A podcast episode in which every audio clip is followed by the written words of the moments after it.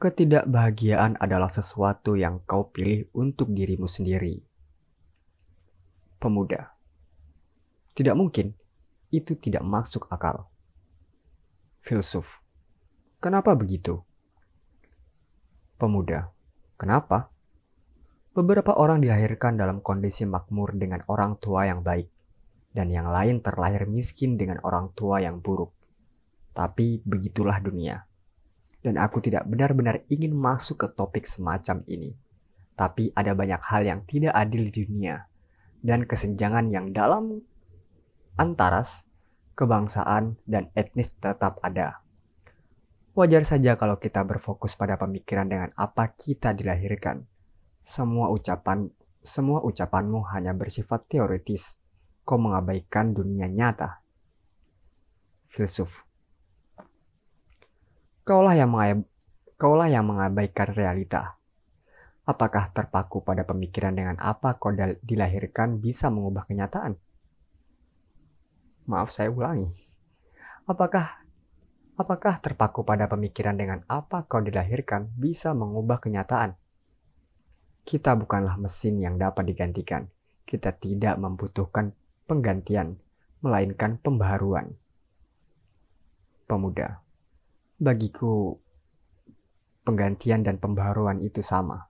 Kau menghindari poin utamanya. Begini, ketidakbahagiaan sejak lahir itu memang ada. Paling tidak, tolong akui itu. Akui itu.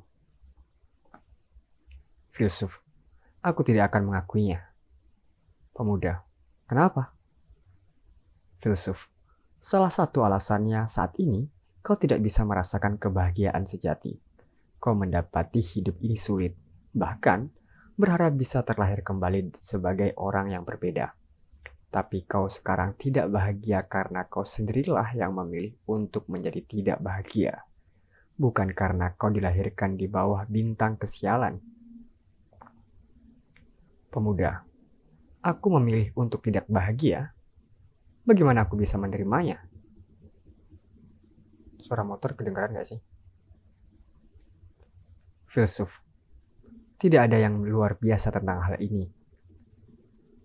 Pernyataan ini sudah diulang-ulang sejak era Yunani klasik. Pernahkah engkau mendengar pepatah, tidak ada yang menginginkan kejahatan? Ini dalil yang umum dikenal sebagai paradoks Socrates. Pemuda, kita tidak kekurangan orang yang menginginkan kejahatan, bukan? Tentu saja, ada banyak pencuri dan pembunuh. Dan jangan lupa, semua politikus dan penjabat dengan berbagai transaksi busuk mereka. Mungkin lebih sulit menemukan orang yang benar-benar baik dan lurus yang tidak mengharapkan kejahatan. Filsuf. Tak perlu diragukan lagi. Tidak perlu diragukan lagi. Ada banyak perilaku jahat. Tapi tak seorang pun, bahkan penjabat paling kejam sekalipun, yang terlibat dalam kejahatan semata-mata karena ingin terlibat dalam tindakan-tindakan jahat. Setiap penjahat memiliki alasan internal untuk terlibat dalam kejahatan. Perselisihan karena uang bisa membuat seseorang terlibat dalam pembunuhan. Misalnya, bagi pelaku, ini sesuatu yang dapat dibenarkan dan yang dapat dinyatakan kembali sebagai pencapaian yang baik. Tentu saja, bukan baik dalam arti moral, tapi baik dalam arti menguntungkan bagi dirinya. Pemuda menguntungkan bagi dirinya. Filsuf. Kata Yunani untuk baik, agaton, tidak memiliki arti moral. Kata tersebut hanya berarti menguntungkan. Sebaliknya, kata jahat, kakon, berarti tidak menguntungkan. Dunia kita penuh dengan ketidakadilan dan kejahatan dalam segala bentuknya namun tidak ada yang menginginkan kejahatan dalam artian sejatinya, yakni sesuatu yang tidak menguntungkan. Pemuda, apa hubungannya denganku? Filsuf, di tahap tertentu kehidupanmu, kau memilih untuk menjadi tidak bahagia. Ini bukan karena kau dilahirkan dalam keadaan yang tidak membahagiakan atau berakhir dalam situasi yang tidak membahagiakan. Hanya saja, engkau menilai bahwa menjadi tidak bahagia itu baik bagimu. Pemuda, Kenapa? Untuk apa?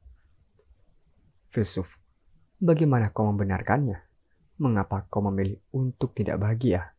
Aku sama sekali tidak tahu jawaban khusus atau detailnya. Barangkali jawabannya akan menjadi lebih jelas saat kita beradu pendapat tentang hal tentang hal ini. Nah, bentar minum dulu ya. Pemuda, kau benar-benar sedang mencoba membodohiku. Kau pikir ini bisa lolos sebagai filosofi? Aku sama sekali tidak bisa menerimanya.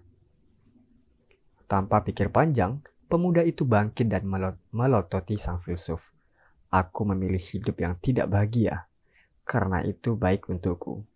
Benar-benar argumentasi yang tidak masuk akal. Kenapa kenapa dia sampai sejauh itu mengolok-olok diriku? Apa salahku? Aku akan membongkar habis argumennya Tak peduli berapapun harganya, aku akan membuatnya berlutut di hadapanku.